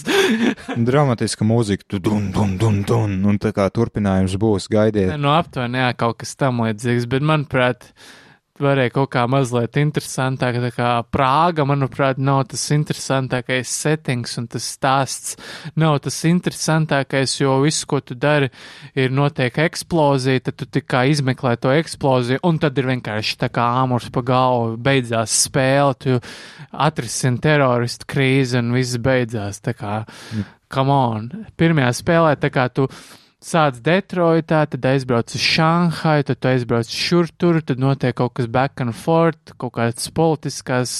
Nu, Bet, nu, tādā gadījumā es ceru, ka vismaz tā Prāga ir interesantāka. Tā kā, Nē. kā, vai parādās tā tipiskā arhitektūra, kas ir Prāgā? jā, tur tās vecās mājas no 18. gadsimta, tādas ar augstiem griestiem, tā kā, nu, tāds, nu, tā kā iesāk uh, Mankind Divided, ne. Human Revolution, sorry, iesāka, tad ir tas, tas tehnorenesants, tas settings, viss ir tādi diezgan apgaismoti, bet te pašā laikā ir arī tie cilvēki, kuri dzīvo pie zemes, un šeit ir tā krīze izvērsusies daudz plašāk, kā pirmā spēle atstāja pie tā, ka roboti, nu pusroboti, uzlabotie cilvēki ir tie ļaunie, un tagad visa cilvēks, lielākā daļa cilvēks tā kā ir pret robotu veidīgajiem. Jo pirmajā, sapratu, bija tāds 50 uz 50, ne, vai kaut kas tāds, vai es maldos. Nu jā, bija tā, ka cilvēkam nepatika tas, bet nebija tā, ka bija tas aparteids, kā ir tagad, ka, nu, Čehijā vismaz, nu, Prāgā vismaz tas, ka roboti, teiksim, iet pa vienu pusi un neuzlabotie cilvēki iet pa otru pusi, teiksim, uz, lo, lo, nu, veikalu loga durvīm ir uzrakstīts tikai cilvēkiem. Tas atgādina kaut ko no ASV 19. gadsimta vai 20. gadsimtā Ā, vēl- nu, līdz Mārtiņam Luteram. Nu, tas, tas ir tā, tā tēma, tas aparteids un tā nošķiršana mm. un tā segregācija, kas ir, tas ir tā galvenā tēma šai spēlē, ka, ka visi ienīst robotus un robotiem nevar uzticēties, un roboti ir ekstrēmisti, un Adams tā kā dara visu, lai tā kā apgrieztu visu apkārt, kā bija. Bet, nu, es pat nesaprotu, kas tur gal galā notika, jo kas gal galā notika, to tas, man liekas, pat pašam Adamam nav skaidrs. Nu, Adams, Jensens, galvenais varonis abās spēlēs. Bet man ļoti patīk tie visi uzlabojumi, tur ir jauni uzlabojumi, kādi nebija pirmajā spēlē, tur, teiksim, tas, ka tev tas, kā tu teici, vairāk ceļ uz to pašu mērķi. Jā, bet tagad ir arī tas, ka ir tavs tās tehnoloģijas uzlabotas ar to apakšstāstu, ka jā, Adams Jensens pēc pirmās spēles nobeiguma kaut kādu laiku pavadīja komā, un laikam tās komas laikā viņam tika implantēti jauni uzlabojumi, tad viņš iegūst spēju pārstrādāt nevajadzīgās lietas rezerves daļās, no kurām var taisīt visādas noderīgas priekšmetus. Teiksim, var uztaisīt tādu ierīci, ar kuru var atslēgt jebkuru seifu, jebkuru datoru. Nu, tā kā vēl aizvien ir tā hakošanas minispēle, Jā. kas varbūt sarežģītāk un grūtāk, un šeit laikam piektā līmeņa seifa ir praktiski fiziski neatslēdzama. Nu, tā, tev jāizmanto tā ierīcīt, un tad ir vēl tās spējas, ka tu vari, teiksim, kļūt necauršaujams, tad tas armors ieslēdzās. Vai vēl aizvien ir neredzamība? Ir Izlaicīgā? neredzamība, oh. jā, ir neredzamība. Man tas arī patika. mm, Daudzkārt noderēja. Bet, nu jā, pats stāsts ir liels solis uz atpakaļ, lai gan viss pārējais liels solis uz priekšu. Tas ir diezgan tā, liek sajusties bēdīgam. Es ceru, ka nākošā spēle būs labāka, ka Square Enix neuzspiedīs tās mikrotransakcijas. Lai gan šajā spēlē, es nezinu, pēc diviem gadiem vairs to nevarēju tik ļoti izjust, jo super duper izdevums, ko man sanāca iegādāties par izdevīgām naudām, jau iekļauj diezgan lielu sākotnējo to step up. Tad es neteiktu, ka man tas īpaši ietekmē, ka es jūtos apdalīts kaut kādā veidā, nemaksājot papildus naudu. Ok. Jā, tad tur nāk vēl trīs tie papildus DLC līdz, kas ir tā kā pirmajā spēlē Sižeta vai? Jā, tā kā sižeta DLC ir trīs tāds papildus saida misijas. Nu, tās arī ir savā ziņā interesantas, bet var arī izteikt. Ja ļoti negribēs, tāpēc jā. Interesanta spēle. Varēja būt labāk. Cerams, ka nākamā būs labāk. Cerams, ka būs tas tā, tā atmosfēra, ko pirmā spēja radīt. Bet vai vispār būs, jo es skatos, ka visās malās, man liekas, ka Square Enix pāršāva ar savām prognozēm, jo visās malās var to spēli dabūt par smieklīgu naudu. Vienkārši viņi pārāk daudz saražoja spēles eksemplārus un likam aplauzās beigās. Es domāju, ka, ja tu esi pamanījis, varbūt, bet Square Enix spēlēm diezgan ātri cenas krīt. Nu, ja neskaitas galvenais Final Fantasy spēles, tad, uh, teiksim, tu jau vari tagad Hitmanu dabūt pa zemām cenām, tu vari dabūt uh, par, man liekas, pēdējo reāli eksistējošo Tomb Raider jau var dabūt diezgan lētu naudu, nemaz nerunājot par pirmo, Nu, nu, pirmo reboot. vispār met no pakaļas līdzi tur visu. Nu, tā kā es domāju, tas ir Square Enix, tas, tas ka viņam tas cenas ir nenormāli ātri jau ir nokritušās, un tas, laikam, tas depreciations ir diezgan strauši visām spēlēm. Nu, protams, Jā. Final Fantasy 15, ko viņi laikam slauks līdz bezsamaņai, cenu laikam tik ātri nenositīs, bet, nu, viss pārējais jau tagad maksā pupu mizi šobrīd. Jā, tas palielam laikam būs viss par debilu seksu. Vēl kaut ko esam spēlējuši. Es pats nedaudz uzspēlēju Jakuzu 6 dēmā. Nu, es izgāju to dēmā, bet daudz satura nemaz nav. Un jāsaka, man nedaudz vilšanās, ka tomēr atkal pāriet uz 30 kadriem sekundē. Nevis tā kā bija Zero un uh, Kivami, ka bija 60. Tas, tas ļoti forši bija. Vismaz pagaidām ir pazuduši tie maināmie stili, ko nultā daļa iepazīstināja, kas man ļoti patika. Varbūt tas vēlāk parādās, bet nu dēmā tas nav. Tā kā vairāk cīņas veidu, kurus var iemācīties. Jā, tas nultajā bija, tas parādījās tāda iespēja pārslēgties varēja ar būtiņām. Tagad Jā. vismaz sākumā tādas iespējas nav. Varbūt kaut kas Un mainīsies. Cik vēl. garš ir tas demo? Es teiktu, kaut kādas, nu, diezgan dāsnas demo, kaut kādas divas stundas.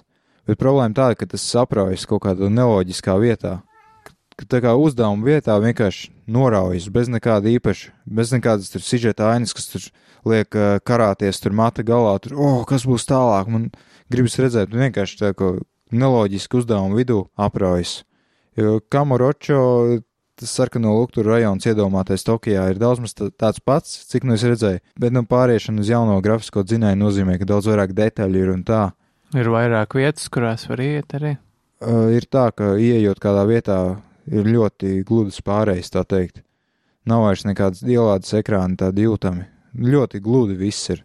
Tas ir lielākais pluss. Par palielināto miedarbību ar pasauli, nu jā, tagad mazliet fizika ir labāka un tā, bet es godīgi sakot, es nejūtu tomēr to lielo kāpienu augšu. Bet grafiski gan ir milzīga starpība. Tur vienā vietā parādās sižeta aina no piektās daļas, kas ir video, un tad var redzēt to milzīgo starpību detalizācijas dziļā. Jo man jau likās, ka uz trešā Playstation, nu, tās konsoles standartiem ļoti labi izskatījās tēli, sižeta ainās un tas viss, bet tagad varēja redzēt milzīgu, milzīgu starpību. Tur arī ādas poras arī redzēt. Jā, ādas poras tagad nevis vienkārši kaut kāda tekstūra ir zemes izšķirtspējas, bet nu, konkrēti jau, Un sviedri. š- jā, šeit ir jau kaut kādi, kas liek ļoti labi izskatīties tēlē. Un tas bērns, tas jau kaut kā atainojās demo, vai tas uh, vēlāk parādās? ka ir redzams sākumā, kur e, kaut kādā pilsētā, ne Tokijā, sēž Kirju bārā un dzer. Viņš izkaujās, un tad redzēt, ka viņš, nu, to Harukas bērnu pabaro, viņam uztaisīja to piena maisījumu kaut kādu. Bet tālāk atkal pāriet uz notikumiem, kur viņš ir nedaudz pirms viņš nonāk cietumā un nedaudz pēc, kad viņš ir cietumā. Un tad ir jāuzbūvē tas konteksts sižeta gaitā, ko demo, diemžēl, neizdodas izdarīt, jo diezgan ātri apraujas, agri apraujas, bet Nu, ir tāda klasiskā eh, metode, ka parāda ainu no vēlākas kaut kādas eh, vietas sižetā un atgriežas pie agrākas. Tādā veidā. Diezgan agri no Okinavas pārodas uh, Kirju atkal Kamuročo, tad meklēt, kas ir noticis, ka, kur ir Haruka pazudusi tā meitene, kur viņš tā kā auģis tēvs bez mazai. Kas man tā kā savā ziņā pārsteidza un nepatika, ir, man šķiet, ir mainījusies tulkotāja komanda. Jo agrāk to patvērsmi, ko sauc par uh, angliski Sunshine Orphanage, tagad tas ir no, nosaukts par kaut kādu tur morning uh, dawn vai kaut ko tam līdzīgu. Un varēja just, ka nav tie paši cilvēki noalgot tulkošanai. Varbūt vēl aizvien ir tas poltu viena uzņēmums, bet nu viņi nav konsekvences īsti. Tas man tā kā, nu tas tā, tā tāda nianses. Es vienkārši visus tos jākus spēles esmu spēlējis līdz šim. Un vienmēr viss bijis vienādi daudz maz. Nu, izņemot pirmo jākuzu uz Playstation 2, tur bija pat vispār dublēts, angliskais dublējums bija, tas bija galīgi garām. Jā, tā man patīk. Es nevaru sagaidīt otrdienu vai kad, kad iznāks. Es ceru, ka man zvanīs, teiks, ka ir spēle uz vietas, tad es nopirkšu arī. Vai tu vēl nav viņiem piegādāt, domā? Nu, tas ir jocīgi, ka to spēli atlika par vienu mēnesi, bet uh, tiem, kas ir tie apskatnieki visās lielajās vietās, ka embargo nemainījās. Tas embargo jau marta vidū kaut kad atcēlās, un jau varēja izlasīt apskatu ļoti agri. Bet spēle, nezinu, kāpēc jāgaida. Ir. Es domāju, ka tas saistīts ar preorderiem. Nu, varbūt savā ziņā tas, ka beidzās vienkārši šis fiskālais gads vai kas Japānā, tad viņi negribēja arī sagrūst visu vienā. Jo martā iznāca ļoti labas spēles, iznāca Far Cry, Nino Kuni iznāca. Laikam viņi negribēja tā kā. Viņi gribēja, lai mazliet vairāk gaisa ir, tā kā brīvības, lai cilvēki pamana to Jakuzu 6, jo tagad, kā redzējāt, nebija raksts lapā par uh, aprīļa spēlēm, jo vienkārši aprīlī praktiski nekas neiznāk. Divas spēles tādas nozīmīgas, Jakuzu 6 un God of War, tas arī viss. Bet ļoti dāsni, ka Sega izdeva demo. Man liekas, cilvēkiem vajadzētu uzspēlēt, saprast, kas tā ir. Lai gan tas demo īsti labi neparāda, kur ir tā Jakuza sāls, Bet nu, tas ir milzīgs uzlabojums tehniski. Praktiski viss sainis, ko es redzēju, bija ierunātas. Nezinu, kā ar blakus uzdevumiem būs, bet cilvēkiem ejot garām var runāt, var dzirdēt, kā viņi sarunājas. Nu, nav jāpieiet klāt, jānospiež iksiņš, lai iesaistītos sarunā. Cīņu sistēma, nekas daudz nebija mainījies. Tur šis tas ir upgrade sistēma, atkal ir pārgājusi uz kaut kādu veco. Nu, tā. Būs apskats, tad jau uzzināsiet, ja jums tas lietas interesē. Yakuza! Es neatceros, kā bija seši japāniski. Laikam roku bija seši. Šiči. Šiči, tas bija septiņi mēs šeit. Ichi sansi, ichi sanchi go rokusichi hachikyu. Čau! Ok, tas izklausies pēc japāņu dzērumā, kurš mēģina skaitīt. Ichi, ni, san, yo, yon, go, roku, šiči, hachi, kyu, džu. Džuiči, džu, ni. Ā, kaut ko es vēl atceros, jā, jā. Iekata, iekata. Tas laikam viss no tā, ko esam spēlējuši, vai tev ir vēl kaut kas? Uh, jā, viss nēs, neko. Laikam spēlēs ir neskaita Skyrim Special Edition, bet nu labi. Tas nevienam neinteresē, no. Es domāju, ka neinteresē gan, godīgi sakot. Ko vēl var par Skyrim pateikt vispār? Neko, man liekas, viss ir spēlējuši, zinot tev. Taisnība. Tātad e, uzskatīsim, ka ziņām mēs esam izgājuši cauri. Jums neinteresē, kas jauns pasaulē. Jā, nekas arī tāds nav noticis, ja neskaita fiasko Facebookā. Nu jā, nu finansiālais gads Japānā ir beidzies tā, ka tagad ir tāds neliels miera periods, kad var beidzot uzspēlēt vecas spēles. Kā jau e, jūs pārliecinājāties, kas spēlēts sadaļā, mēs visu kaut ko vecu uzspēlējām, izspēlējām, nolikām pie vietas. Jā. Tad klausītāji jautājumi. Pirmais pat īsti nav jautājums, bet nu labi.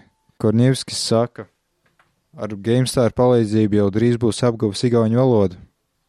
Nu jā, vārdu kārtī nedaudz citādāk. Man te jāliecās izlasīt Fenfen datorā jautājums. Jah, Tā bija tā atbilde. igauņu draugi palīdz uzlabot zināšanas. Nē, nu patiesība tāda, ka es zaudēju derībās, tad man vajadzēja apgūt igauņu valodu. Jā, tu vēl zinies to savu derību nosacījumu izpildījis, jo tu nemāki vēl perfekti runāt. Kā 50 gadus Igaunijā nodzīvojis Igauns, tas ir tas nosacījums, jā.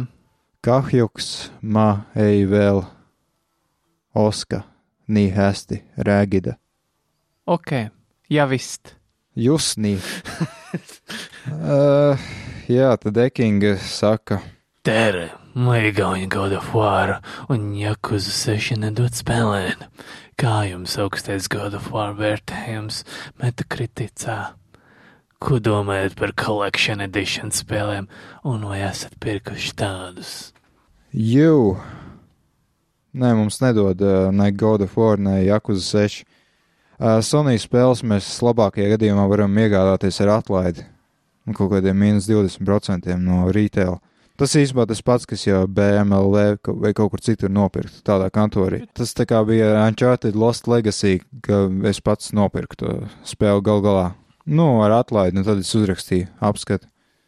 Ja jūs gribat zināt, es pačukstēšu, tad no Sega produktus mēs vispār nevaram dabūt, jo Sega pēra cilvēku vispār uz tādiem neko, kā Strike LV pārstāvjiem, vispār uz e-pastiem neatbild.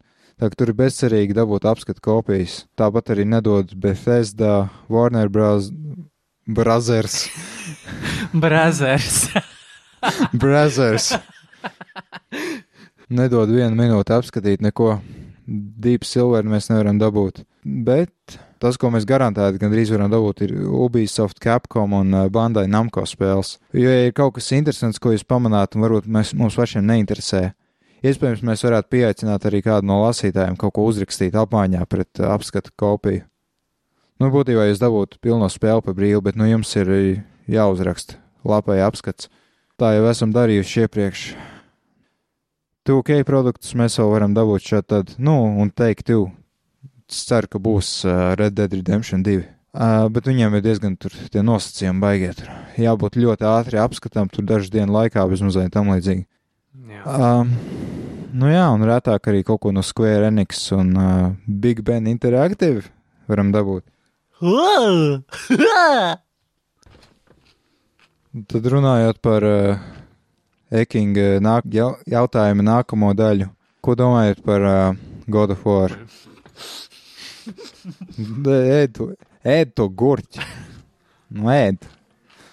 Nu, es domāju, ka jābūt mazliet uzmanīgam, jo aizdomīgi augsti tie vērtējumi ir.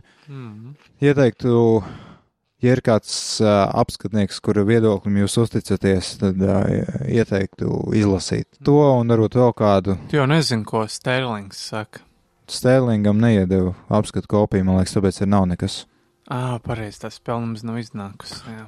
Nu jā, viņam praktiski nedod neviens vairs apskatu kopijas, saprotam iemeslu dēļ. jā, viņš pat noliek tās spēles, kuras viņam sākotnēji ir patikušas. Jā, varētu būt tā. Jā, Jā, bet gan jau, ka Jim Pressions būs kaut kad. jā bet tas būs krietni pēc iznākšanas. Bet uh, mūsu igauņu kolēģi Level X, uh, viens no viņa redaktoriem, Stens, jau uzrakstīja rakstu. Viņš laikam dabūja agrāk. Un uh, pirmie iespēja pēc piecām, sešām stundām spēlēšanas, cik nu es aptuveni sapratu tur no tā rakstītā, tad uh, ir tā, ka stāsts ir klišejisks, jo cik te var tur kaut kāds tur. Uh, Nopietnais vecis ar zelta sirdi, kurš tagad savu dēlu uzaudzinās, tas viņam likās ļoti klišejiski un neinteresanti. Nu, Tas tā kā jau ir bijis, tā kā, teiksim, tas pats. Bļā. The Last of Us. The Last of Us, jā, un tas, tas pats praktiski, tikai piemēlīgāk. Jā, kur izšķēdē cirvi kādam galvu vai ko Tur tur. ir mīlīga meitenīte, nevis kaut kāds pretīgs pelēks zēns. Nu, es nezinu, viņa baigi mīlīgi. Viņas, es viņu kā angliski saka brat. Es... Nu, jā. Katrā ziņā, jā, tur bija uh, kritika par to, ka sižets ir pat tik lietots vārds garlaicīgs. Un kas tur vēl, kas nepalīdzēja, bija tas, ka spēle ir ļoti skaista, nu, tehniski ļoti skaista, bet uh, tā kā nedaudz monotons. Uh, Tā vide ir tas viss, tur tas viss ir zils un zili balts, un tā Norvēģijas tā geogrāfija viņam nelikās sevišķi interesanti. Jā. Nu, jā. Tā ka tas ir pats kritiskākais, ko esmu dzirdējis. Grūti saprast to, ka šī spēle tā kā strādā 1080 uz parastā Playstation 4, bet 4K uz Pro, bet tāpat gan viena, gan otra strādā uz 30 kadriem sekundē. Tas Uh, nē, uz Pro ir arī tas performance mode. ir arī, jā. Jā, ko testēja Digital Foundry. un- Ah, forši tad vismaz. Bet uh, nepatika. Uh, teica, ka, nu, Nestabils. jā, vidēji turas kaut kur 45 līdz 50. Līdz ar to, nu, ir tas saraustīti. Un tad nav jēgas nemaz. Nebūtu jēga uz Xbox One X, ja tā spēle būtu, jo tur ir tas FreeSync, it kā. Tad teorētiski uz monitoriem, kas atbalsta FreeSync, tad nebūtu problēma, bet, nu, tas ir Sony un Sony ir, jā, Nu, viņš- tas ir eksklusīvs. jā. Nu, gan jau, ka laba spēle, bet mēs nezinām pagaidām. Ieteikt tiešām, jā, kā jau teicu. Es domāju, ka tur ļoti liela loma tajā reitingā spēlē mārketings. Jā, bet tagad ir pārgājis. Tas viss tagad vairs īsti neuzsauc dārgus ceļojumus apskatniekiem, jo tas tagad ir pārgājis uz YouTuberiem visādiem, tā saucamajiem influenceriem. Tā ka es domāju, ka tur nekādi baigie Nu, par Facebook jau mums arī likās, ka ir droši. Nē, nu, nenotiek nekādi kreisie dīli, es domāju, tā teikt, starp apskatniekiem. Nu, varbūt IGN, nu, jo IGN ir IGN, bet es domāju, ka visiem pārējiem apskatiem var uzticēties. GameSpot, Jā. kas visu laiku pārpublicē vecas ziņas konstanti. Un tad uh, trešā jautājuma daļa no Ekinga, ko mēs domājam par Collector's Edition. Es domāju, ka diezgan bezjēdzīgi. Lai gan man sakārojās nopirkt to Jakuzu 6 After Hours Edition, kur ir divas alkohola glāzes, stilboks un grāmatiņa, ko es vienreiz izšķirstītu un tad nomestu plauktā. Tad es domāju, ka no tādas ražotāju izdevēja perspektīvas vienkārši Collector's Edition ir kaut kas ar daudz, daudz, daudz lielāku peļņas uh, procentu. Tā saucamo profit margin angliski. Lielākiem faniem forši, bet tā kā es jau apskatīju to Bayonetta Special Edition, tad, um, jā, Man ļoti patīk, kā Project Red iepakoja savu Witcher 3 spēli.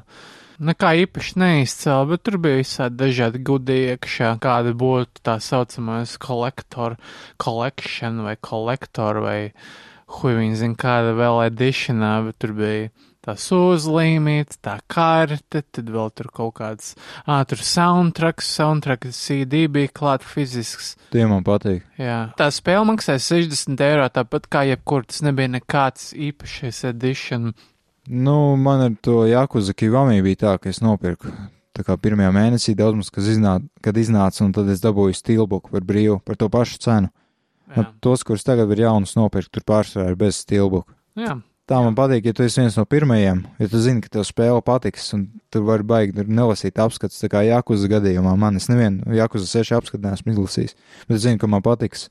Un tad var pirkt, jā, first print versijas visādas un tā. Nu, vienīgo collector's edition, ko es nopirku, es zinu, vai to var nosaukt par collector's edition, tas ir digital collector's edition. Nu, labi, tie ir pilnīgs fufels. Jā, es nopirku šo te Dragon Age 3 kolo, mm. digital collector's edition. Bet tur vispār nekas iedzīgs nenāca līdz. Es nožēloju savus papildus 10 dolārus, ko es tur iztēju. Jā. Jā, bet man patīk tā spēle, tāpēc gribēju izrādīt kaut arī Electronic Arts savu atbalstu. Kam genocīds noteikti nepiekrīt. Nu Jā, tad trešais jautājums ir no Suicide Christ. Uh, Tere Ehtus, saprot, tas ir labvakar, draugi. Viņš sponsorē šī podkāsta izlozi. Divas Steam spēles diviem lietotājiem. Tere Paivests, super. Tev jādāvina pa spēlē pirmiem diviem lietotājiem, kas komentāros šī podkāsta pateiks savu redzējumu par kādu no spēlēm, ko mēs šodien aprunājām. Nodirsa. Nu jā, neceru lielu atsaucību, es domāju. Bet jā, tad, ja kāds uzrakstīs kaut kādu sakarīgu komentāru par kaut ko no spēlēm, ko mēs runājam, vienalga Nier vai Flatout vai Devil's Ex, tad varēs viņam uzdāvināt uh, Steam kodu. Varbūt viņš pats uzvarēs, ja viņš atbildēs, kā viņš nosūtīs mazo Red Bull uz Latviju. Nu jā, tas tā arī viss. Tad uh, Goodman ir ceturtais jautājums par E E3. Kādi jaunumi, baumas par strauji tuvojošos E3 pasākumu? Mēs zinām, ka droši vien visticamāk atklās The Division 2 iznākšanas datumu, ja nu kādam tas interesē. Es ceru, ka Smash Bros. uz Switch kaut ko vairāk mēs redzēsim. Bet vai tad Nintendo vispār piedalās E3 pēdējos gados? nu viņiem ir tie Nintendo direkti tajā laikā, bet nu, tas tik un tā, es uzskatu, ka tā ir daļa no E3.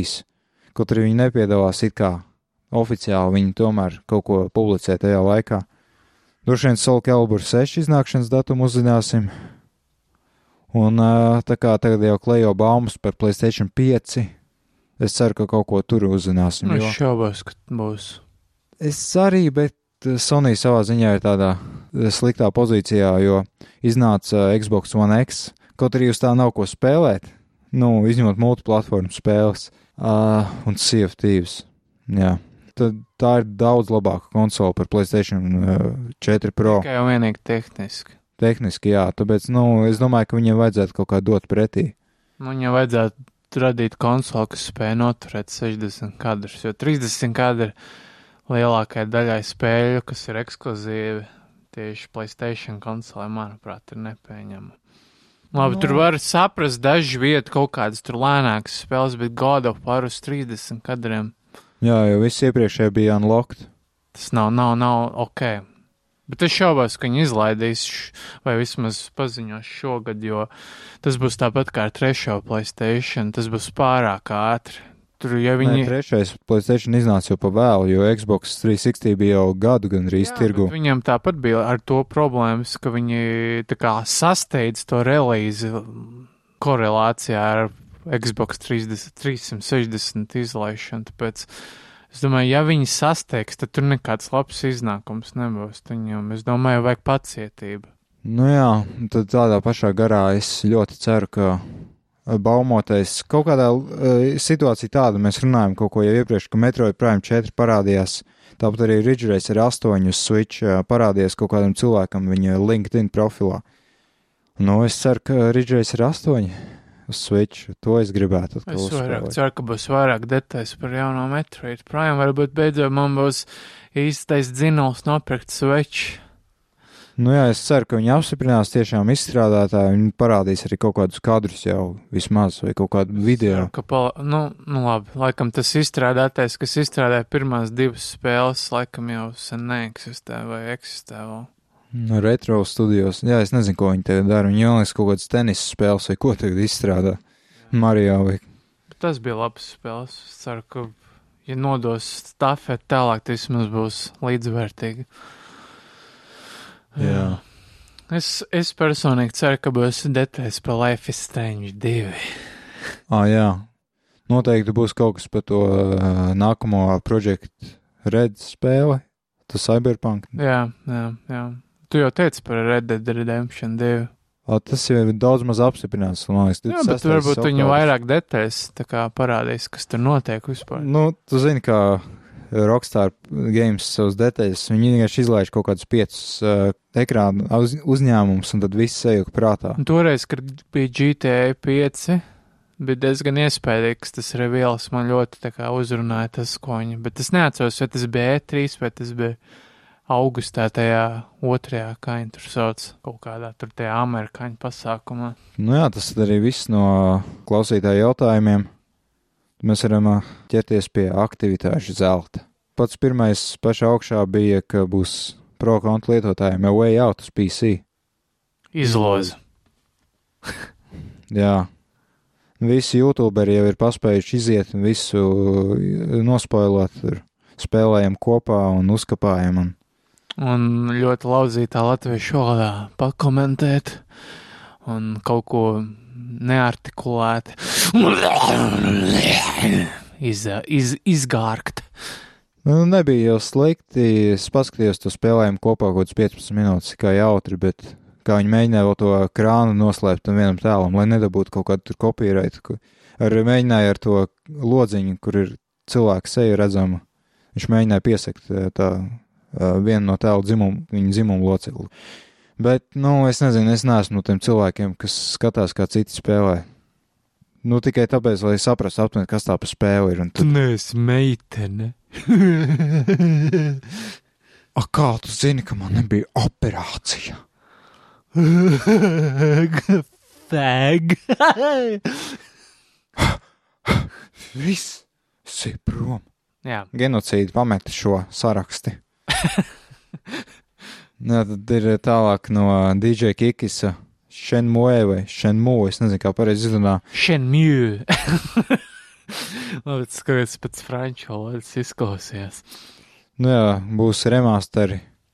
Tas Bet... pat nav remasters, nu tas vienkārši ports. Stilā, tas vienkārši ports ar uzlabotu šo iz, izšķirtspēju un uh, jaunu UI, bet Viss pārējais paliek tieši un, tāds. Uh, uzlabot vadību nav vairs nekāda Dreamcast stulbā vadība ar vienu analogo sviru.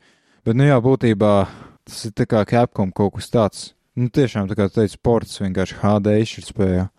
Nē, nu, ja ir jēga kaut ko portēt, tad šīs spēles varbūt ir tā vērts, jo es šaubos, ka mūsdienās daudziem ir Dreamcast. Tad varbūt tiešām, kurš nav spēlējuši nekad šīs spēles, varbūt tas ir tā vērts, ja ir tā interese. Atšķirībā no kaut kādām citām spēlēm, kuras, kuras ir bijušas izlaistas uz 3000 platformām iepriekš. Tik un tā uzskata, ka viņi varēja izdarīt daudz vairāk, jo tā skaņas kvalitāte, viss tas zemais sample rates, tas saglabātais, nu, šausmīgi. Bet ja jau jaunajai spēlē vajadzēja Kickstarter, lai savāktu līdzekļus, lai vispār to sāktu izstrādāt, tad es nebrīnos, ka grupi sakot nožīdoja un vispār neieguldīja nekādu efortu jaunajam portam. Oi, oi, shut it down. Eh, Bet citās vietās, kur es palasīju komentārus, tur Eurogame ir tam līdzīgi cilvēki vienkārši jūka prātā. Viņiem ir, oh, jā, šeit, mū, jā, mm. Mans Dreamcast vairs nelasa diskus. Es šo noteikti nopirkšu. Nē, tas būtu interesanti, ja tu gribi spēlēt 20 gadus vecu Japāņu spēli, kas jau tad neizskatījās pārāk labi, bet, nu, katram savs. Jā. Un tad uh, DJ Kikis kaut ko raksta par konkurentiem. Kas? Izlasa uzmanīgi. Ryzen 2 Zen Plus pagaidām izskatās par cienīgu in Intel konkurentu. Es pat neskatījos to linku. Nā, kārtējais APU vai CPU vai GPU, es nezinu. Nē, Intel jau neizlaiž GPU, nē, tad. Nē, tas par procesoriem, Ryzen tīri procesori. Nu, jā, tālāk ir atkal no DJ Kikis kaut kāds traileris. Tas ir, eh, būs, cik es sapratu, ā, es vēl neesmu iepētījis, man šodien vajadzētu laikam to izdarīt. Oi, Īstenībā tad uh, Ghost Recon Wildlands ir uh, Splinter Cell tāds kā papildinājums, bezmaksas, cik es sapratu. Tas viens uzdevums, kur ir jā, jāiezogās tur teritorijā un jāizdara lietas. Tur arī Maikls Ironsides, tas Sema Fisher balss aktieris piedalās. tā kā Metal Gear Solid, Zero Grounds. vai- Bez mazo, jā.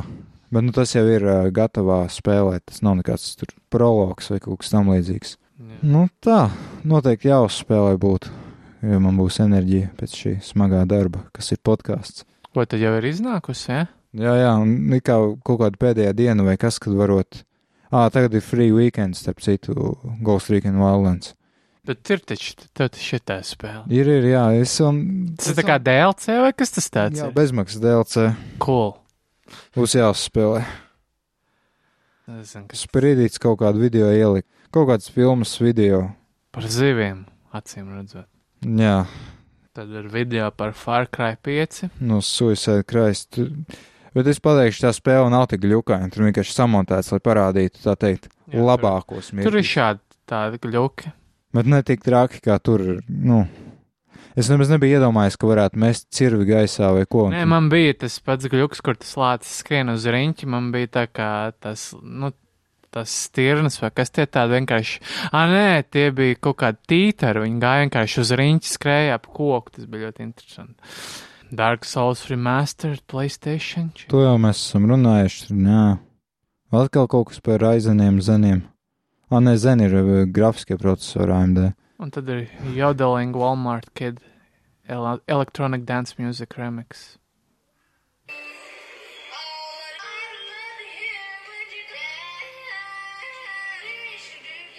Ok, Tas tad arī viss. jā. Hea Daiga, Jā, nējume, Jārgmisel, Korala. Kaut kas igauņu valodā ar dievu.